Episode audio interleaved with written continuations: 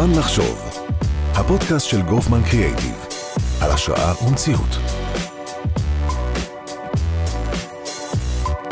אהלן, היום אנחנו בפרק חדש ונוסף ומעניין עם אה, רונן אהרון, מנכ"ל ABB.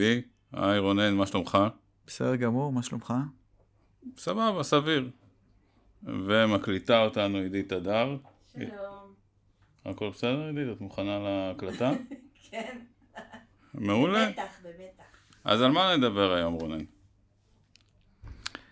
אפשר לדבר על uh, מגוון עצום של, uh, של נושאים, אפשר לדבר על uh, משבר האקלים, אפשר לדבר על uh, מנהיגות, אפשר לדבר על uh, ערים חכמות, אפשר לדבר על התעשייה הישראלית, על האתגרים של מנכ"לים בתעשייה הישראלית, של uh, אז כאלה ברשותך, שמובילים. בוא, בוא קודם נכיר. אוקיי. אה, אז קודם כל, ABB ישראל. נשמח לשמוע. ABB ישראל היא בעצם אה, נציגות של התאגיד, ABB, שקיים למעלה מ-130 שנה.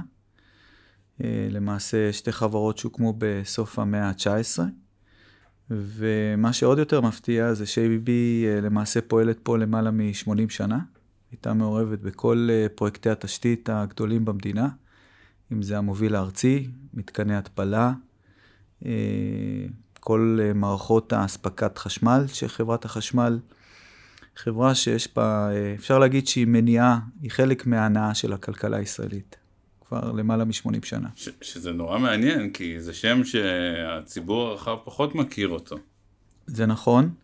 אה, אני חושב שהסיבה העיקרית שהציבור הרחב פחות מכיר אותנו, כי אנחנו לא מייצרים מוצרים לבנים, כמו אה, אה, תנורים, אה, מייבשי שיער, יש חברות אחרות שהן כן נמצאות בתחום שלנו מייצרות, אבל החברה היא מאוד מאוד מוכרת וגם מוערכת אה, במקומות שבהם אנחנו פועלים, למעשה גם אה, מול חברות שירות ציבוריות, כמו חברת חשמל, מקורות, או בתחום התחבורה, וגם בתחום התעשייה. אנחנו מאוד מאוד אה, מוכרים שם.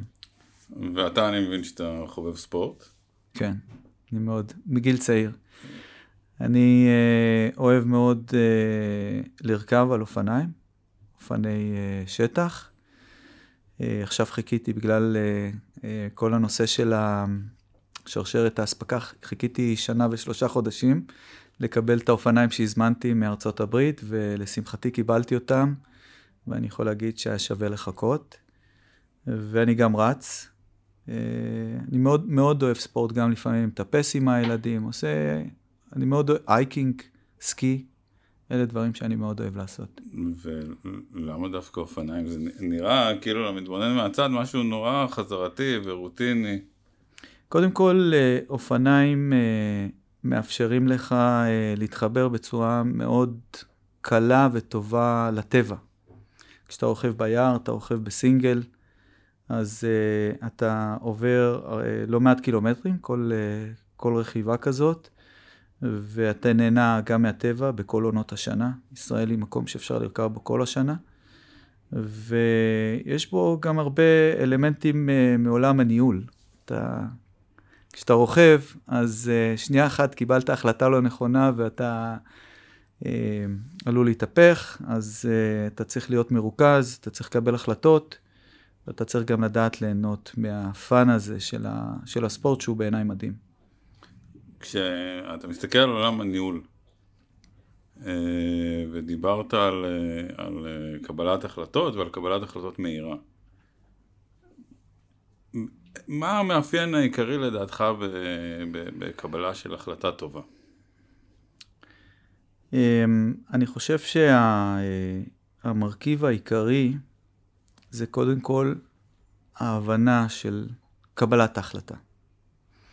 עכשיו, אני אוהב לדמות את, את העולם שאנחנו, שאני נמצא בו בתור מנהל, זה כמו פאזל. ובפאזל הזה, בגלל אי הוודאות, חסרים לא מעט חלקים. ובעזרת, נקרא לזה, ראייה מערכתית, כלים שרכשתי לאורך השנים, גם בניסיון הניהולי שלי וגם בפרויקטים שהובלתי, זה נותן לך את הכלים להפעיל את הדמיון בכדי uh, להשלים את התמונה. וכשהתמונה אה, היא יותר ברורה, היא אף פעם לא תהיה ברורה לחלוטין, כי אה, אנחנו מדברים עדיין על סביבה של אי ודאות, אבל בסופו של דבר, ברגע שתעבור את התהליך, ואני עובר את התהליך הזה כל הזמן, בתהליך קבלת ההחלטות, אז uh, ההחלטה, אני חושב, היא הרבה יותר uh, מושכלת, היא הרבה יותר uh, נכונה, והיא מורכבת מכל מיני חלקים שאני מרכיב בתוך הפאזל הזה, הרבה בעזרת הדמיון והניסיון. אבל מה בעצם מפריד החלטה נכונה בתוך עולם של אי-ודאות מניחוש? מה ש... כי הרבה, אני שואל את זה כי הרבה מנהלים מדברים על, על נושא של אינטואיציה, תחושת בטן, כל מיני מרכיבים כאלה שזה נשמע ניחוש בגדול, מילים, מילים מכובסות ל... נכון. לדבר הזה. נכון. אז קודם כל אני למדתי לגלות שגם תחושות בטן הם אה, אומרים שבבטן, חוץ מבמוח, הגוף האדם, אה, בסופו של דבר מורכב מרשת נוירונים. ומסתבר שגם בבטן יש לנו רשת נוירונים, וההחלטה שבאה מהבטן לא תמיד היא החלטה שהיא, אה, שהיא נובעת מניחוש, והחלטות שנובעות מניחוש והחלטות שהן מבוססות על הימור, בעיניי החלטות לא ראויות למנהל. כי התפקיד של המנהל אה, זה קודם כל להבין את הסביבה שבה הוא פועל, את הסביבה העסקית שהוא פועל בה, את המורכבות של הסביבה, את הסיכונים שיש בה, אם זה סיכונים פיננסיים, סיכונים טכנולוגיים, אה, סיכונים, סיכונים של גיוס כוח אדם, סיכונים פרויקטליים. וכשאתה מבין את כל התמהיל הזה של הסיכונים, יחד עם הניסיון שרכשת במשך הזמן, היכולת שלך לקבל החלטה שהיא, אה, נקרא לזה החלטה נכונה, אף פעם מנהל לא יכול להתהדר, גם אני לא יכול להגיד שכל ההחלטות שקיבלתי בחיי הן החלטות נכונות. שגיתי לא מעט פעמים. אבל uh, לשמחתי, uh, יש יותר החלטות נכונות מפחות נכונות. וגם לאורך, uh, אם אתה מסתכל על ציר הזמן, אז יש אה, אבני דרך שבהם אתה צריך באמת לקחת את הזמן ולחשוב טוב טוב לפני שאתה מקבל את ההחלטה. אבל אה, יש עוד דבר ש, שלמדתי אותו, שכשקיבלת החלטה, חשוב מאוד לה, להתמיד בה, זאת אומרת לנטר אותה, לעשות follow-up, לראות, זה כמו צוללת שמרימה פריסקופ ובודקת האם היא לכיוון לב ים, או היא לכיוון היבשה. הכוונה שהיבשה זה המקום הנכון שאתה צריך להגיע אליו. אבל uh, קיבלת החלטה, זה בעיניי לא נכון כל פעם לשנות את, ה, את הדרך, ויש לצערי אה, בגלל החשש שאולי קיבלת החלטה לא נכונה, אולי לא לקחת בחשבון את כל הדברים, אולי זה מסכן את הפוזיציה שלך. אה, לפעמים מנהלים נוטים אה, לשנות את ההחלטה שלהם, ובעיניי מנהל עם ביטחון עצמי וניסיון, שהוא מבין שיש עליו את האחריות להוביל את הארגון למקום נכון, אה, מתמיד בהחלטה שלו עד המיילסטון הבא שהוא אומר לעצמו, אני רוצה לבדוק איפה אני נמצא. מה שאמרת עכשיו, דיברת, אני מתאר לעצמי, מזווית אה, של אה, מנכ"ל. אבל עד כמה הדברים הם תקפים לדרגי ניהול יותר נמוכים בארגון? אני חושב שהם הם רלוונטיים לא רק לדרגי, לדרגי, לדרגי ניהול, אני חושב שהם גם רלוונטיים לעובדים. אה, אני יכול אה, לדמות לעצמי אה, מהנדס שירות שלנו שמגיע לציוד שהוא צריך לתקן אותו, ויש הרבה החלטות שהוא צריך לקבל תוך כדי עבודת התיקון. והחלטות, החלטות שאותו עובד אמור לקבל, לפעמים, למרות שיש פרוצדורות ויש תהליכים ויש מהלכים, יש הרבה דברים שהוא uh, צריך uh, לחשוב טוב טוב לפני שהוא עושה אותם, במיוחד בנושא בטיחות, שהוא צריך לוודא שהוא uh, פועל בסביבה נכונה ובטיחותית. ו... וגם בתהליך קבלת ההחלטות, נכון, זה לא uh, החלטה uh, מה תהיה האסטרטגיה של הארגון, אבל זאת החלטה מושכלת שצריכה להתקבל על ידי העובד על מנת שהוא יבצע את העבודה שלו בצורה יעילה, מהירה וטובה מול הלקוח שהוא משרת אותו. ולגבי סיכונים בקבלת החלטות, אה, איך אתה ממליץ אה, להסתכל עליהם? קודם כל להבין אותם. קודם כל להבין אותם.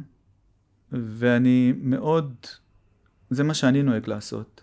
אני uh, תמיד uh, מכין את עצמי לרע ביותר ומקווה לטוב. והכוונה היא שאני uh, מדמיין לעצמי מה עלול להשתבש uh, בתהליך עצמו, ואני מכין את עצמי, מכין את הארגון שאני מנהל, בכדי שיהיו, אה, שלא יהיו הפתעות בדרך, זאת אומרת שנהיה ערוכים. אבל המחשבה על הרע מכל היא לא המחשבה שמשתקת? ממש לא.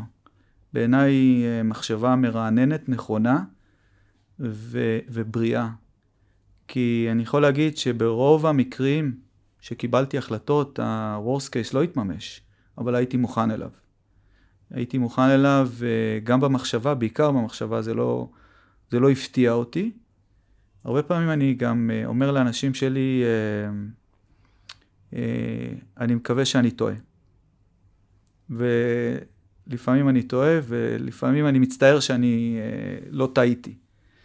אז, אז, אז זאת הדרך שאני משתמש הרבה בדמיון, הרבה בניסיון, ואני, זאת האחריות, במיוחד אם אני מנהל חוזה, או אני מנהל משא ומתן על חוזה מסחרי, שיש בו הרבה מאוד תנאים שבעצם ישפיעו, אני אומר יותר מזה, החוזה שאתה תחתום עליו, ההסכם שאתה תחתום עליו, ישפיע בצורה ישירה על, על סיום הפרויקט. כי אם חתמת על, על הסכם לא טוב, הסיכוי שתסיים את הפרויקט בצורה מיטבית, הוא לא כל כך עומד בצד שלך. אבל אם חתמת על הסכם טוב, שאתה יכול לנהל את הסיכונים שלך, אה, אתה תסיים גם את הפרויקט טוב. יש סיכוי מאוד מאוד טוב שהפרויקט גם יסתיים בצורה נכונה. אתה דיברת קודם על אה, דמיון. כן. אתה יכול uh, להסביר? אנחנו כבני אדם ניחנו בתכונה מאוד חשובה, שאתה uh, יכול uh, לחשוב אלה דבר, איזה דברים אה, יכולים אה, להתרחש, איזה דברים אה, יכולים שלא להתרחש, איזה דברים אתה מחבר ביחד בכדי שהם יעבדו נכון, איזה טכנולוגיה אתה חושב שתתאים בצורה מיטבית ללקוח שלך, איזה, מהי הדרך, לדוגמה, אם אני מסתכל היום, ראיתי כל מיני פתרונות בעולם של חקלאות דיגיטלית. שהיא אה, מדהימה בעיניי, כי היא גם חוסכת באנרגיה, היא גם יכולה לפתור את אה, בעיית המזון, אה, בעיית המים שיש היום ב... לאנושות, ואם אתה לוקח בחשבון את כל, ה... את כל הטכנולוגיות המתקדמות, את, הדבר... את הדברים שאפילו הבאת אותם ממקומות אחרים, שבכלל לפעמים לא קשורים. ואתה מחבר אותם בעזרת ה... הדמיון שלך, המחשבה שהיא רצה למקומות אחרים. אתה ממש מדמיין סיטואציות? לגמרי, לגמרי, בטח. כלומר, בטח. כלומר, כשאתה מקבל החלטה, אתה, כשאתה מדבר על התרחיש הגרוע, אתה רואה אותו, רואה מדמיין אותו. אותו. רואה אותו, רואה אותו קורה. רואה אותו קורה, בלב אה, מקווה שהוא לא יקרה, ברוב המקרים הוא לא קורה, אבל אני מכין את עצמי לא, לאופציה הזאת, ו... וזו דרך מאוד בריאה בעיניי אה, לנהל את העסק, כי יש לך, זה לא שאין הפתעות, אבל יש לך פחות הפתעות. כן, אבל ניהול עסק הוא, אה, הוא כחוויה, אה, איך היית מגדיר אותו?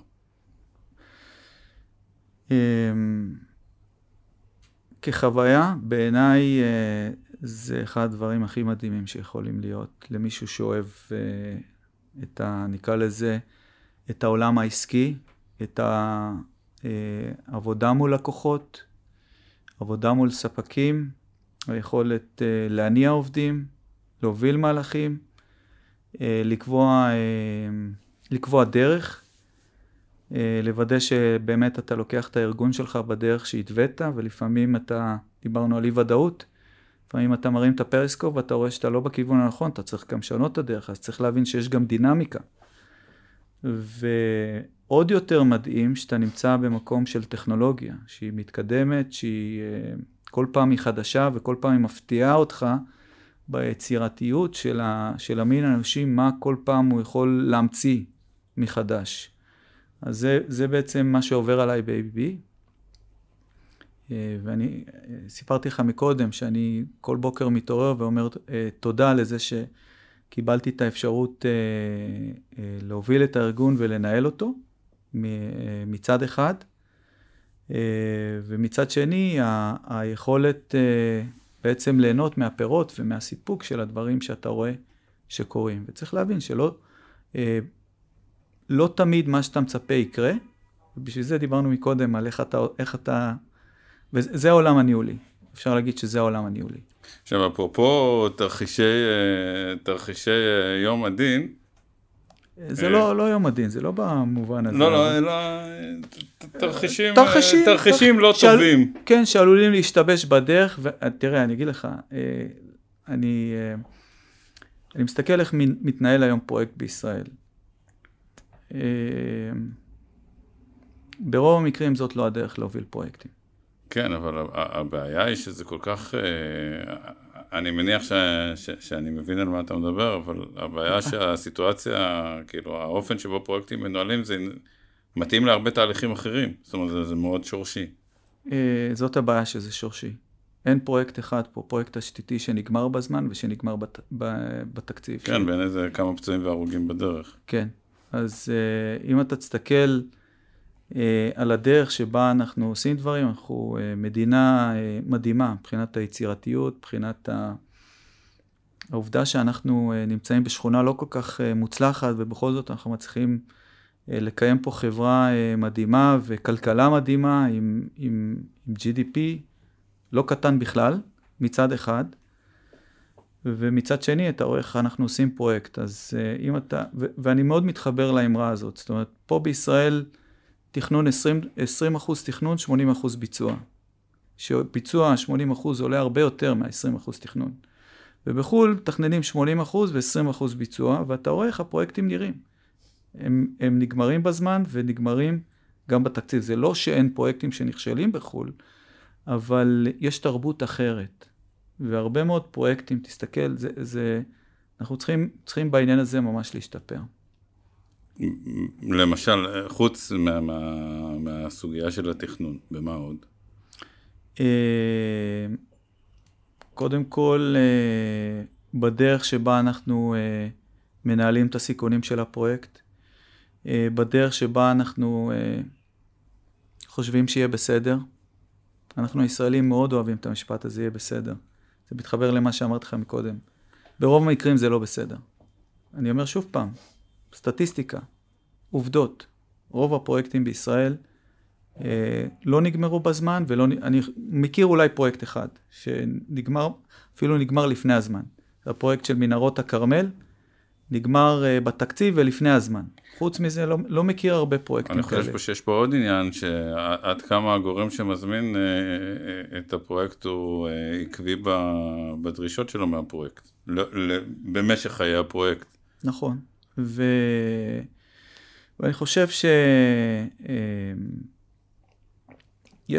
אבל מצד שני אנחנו צריכים לזכור שאנחנו גם עושים דברים בצורה מדהימה. דברים אחרים שעושים בצורה מדהימה. כן, אה, אה, יצא לי לדבר על זה לפני איזה שעה עם אחד העובדים שלנו בחו"ל, אנחנו מצד אחד שונאים את עצמנו, מצד שני אוהבים את עצמנו. נכון. בו זמנית. נכון, זו תכונה מאוד ישראלית. כן, איך זה קורה? כי אני אגיד לך איך זה קורה. כי מצד אחד אנחנו עושים את הדברים בצורה כל כך גרועה, ומצד שני אנחנו עושים את הדברים בצורה כל כך מדהימה, שיוצאת דופן אה, במובנים בינלאומיים. היום ראיתי איזה סרטון של, אה, של מישהי שהיא מהממשל אה, האמריקאי, שהיא משבחת את, ה, אה, את הדרך הישראלית אה, להוביל, אה, נקרא לזה, חדשנות. ולהעמיד prototype של מוצר. אז נפגשתי עם איזו חברה שהצליחה להעמיד שלושה prototype ים בשנה, שזה... אין, אין, אין שווים לנו בעניין הזה, אנחנו, אין, אין, אין מישהו בעולם שדומה לנו ביכולת שלנו לעשות את זה. Uh, ביצירתיות, בנחישות, ביכולת לפתור בעיות, בדר... ביכולת ל... לקחת אחריות ו... וגם לפתור את הבעיות ו- ולהבין אותן מצד אחד. אה, ומצד שני, אתה, אתה רואה שפרויקטים אחרים, אנחנו, איפה שצריך את ה-long run, אנחנו שם פחות טובים. נסתכל למשל אה, על אופן הטיפול של מדינת ישראל בכל מה שקשור לנגזרות של משבר האקלים. מה דעתך? אז אה, קודם כל, אה, אני חושב שאנחנו מסתכלים על משבר האקלים, צריכים להבין קודם כל מה, מה זה משבר האקלים. משבר האקלים הוא, הוא, הוא, הוא בעיה גלובלית, זה לא בעיה רק של, של מדינת ישראל. קודם כל צריך להבין את זה. מצד אחד, ומצד שני, אה, אנחנו צריכים לראות מה אנחנו, אה, איך אנחנו פותרים אותו, או מה הפתרונות לדבר הזה. אגב, יש תזה שאומרת שאנחנו לא במשבר אקלים, אלא אנחנו פשוט בתוך, אה, בתוך מחזוריות טבעית.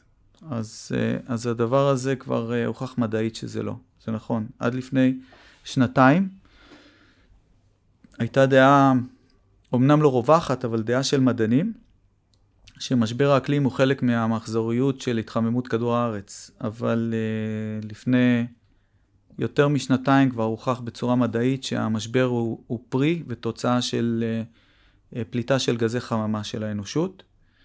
ו...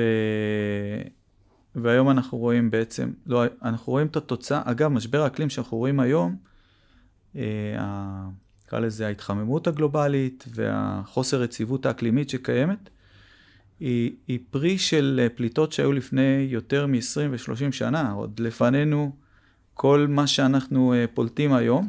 פלטו, לזה... ופל, פלטו ופלטו. אה, ולא חסכו בפליטות. ו... לא, אני אגיד יותר מזה, גם אם אנחנו עכשיו נפסיק לגמרי לפלוט CO2 וגזי חממה, נוקסים וסוקסים, אז uh, עדיין הטמפרטורה של כדור הארץ תעלה ולפחות במעלה אחת עד 2050, אה, לפחות. אז uh, המשבר הזה, גם, גם כשאומרים יעלה במעלה אחת, לפעמים לא כל כך, uh, זה לא כל כך ברור, כי היום, עכשיו אנחנו נמצאים פה לדוגמה.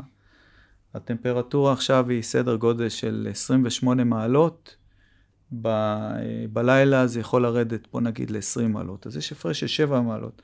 כשאתה מדבר על טמפרטורה, הפרש טמפרטורות של מעלה או 2, אה, אנשים לא מבינים למה, למה זה כל כך נורא.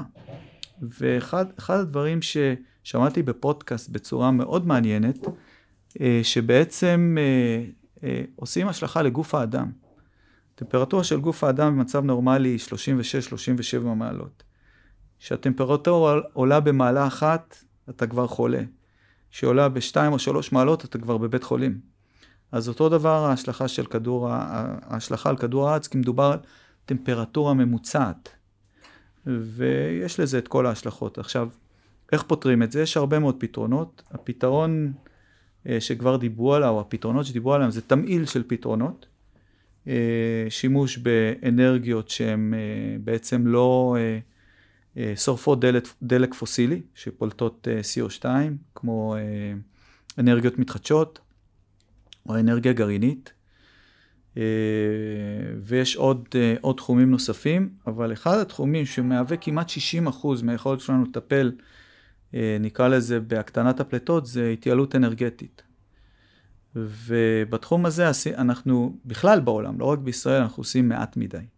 יש הרבה מאוד דרכים לפתור את הדבר הזה, ויצא עכשיו, יש פרויקט של משרד, ה, משרד האנרגיה, של 100 מיליון שקל שהשקיעו, אני חושב שזה אה, פרויקט מאוד חשוב.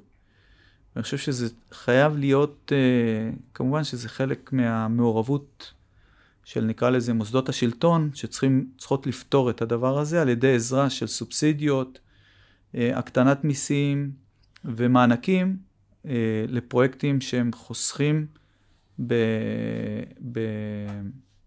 בצריכת אנרגיה.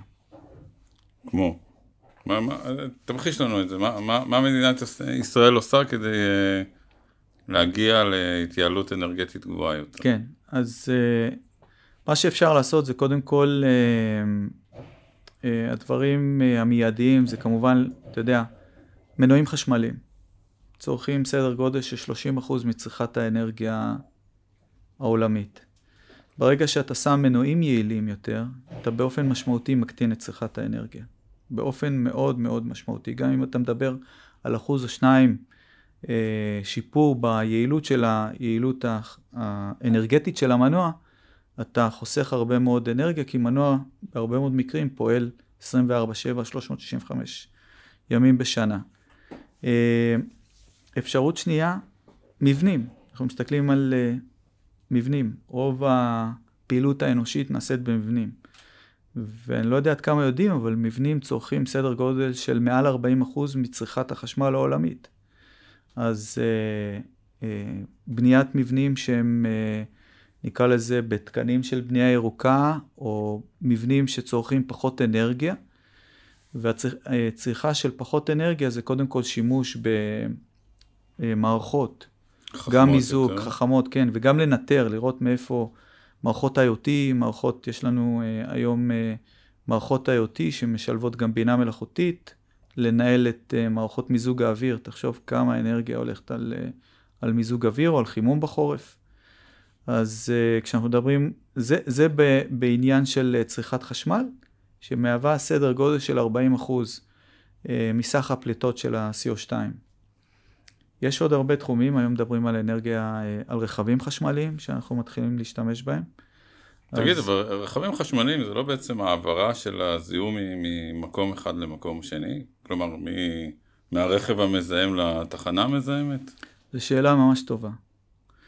כי אה, כשאנחנו מסתכלים על אה, מנוע שרפה פנימי של, של רכב, הוא לעולם לא יהיה יעיל כמו ייצור אנרגיה בתחנת כוח. מה גם שבתחנת כוח, אה, אני לא יודע עד כמה יודעים, אבל חברת חשמל ומשרד האנרגיה השקיעו אה, מיליארדים של שקלים בהפחתת פליטות. אז אם אנחנו מסתכלים על התחנות הפחמיות שלנו, באורות רבין וברוטנברג, יש שם מערכות שמונעות את הפליטה, ומה שאנחנו רואים שיוצא מהארובות זה עדים של מים, זה לא גזים, אה, גזי חממה.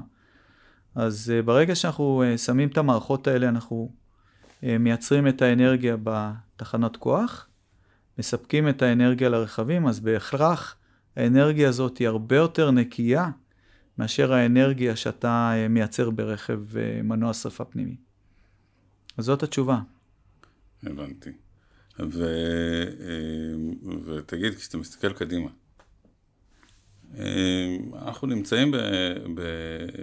במציאות, הרי כדי לקדם מהלכים, אה, אנחנו צריכים אה, אה, ממשל יעיל, אנחנו צריכים שהשרים הרלוונטיים לא יתחלפו כל שלושה חודשים.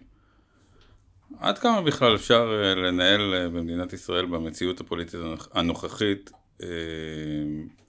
ניהול של התייעלות אנרגטית? זאת גם שאלה טובה.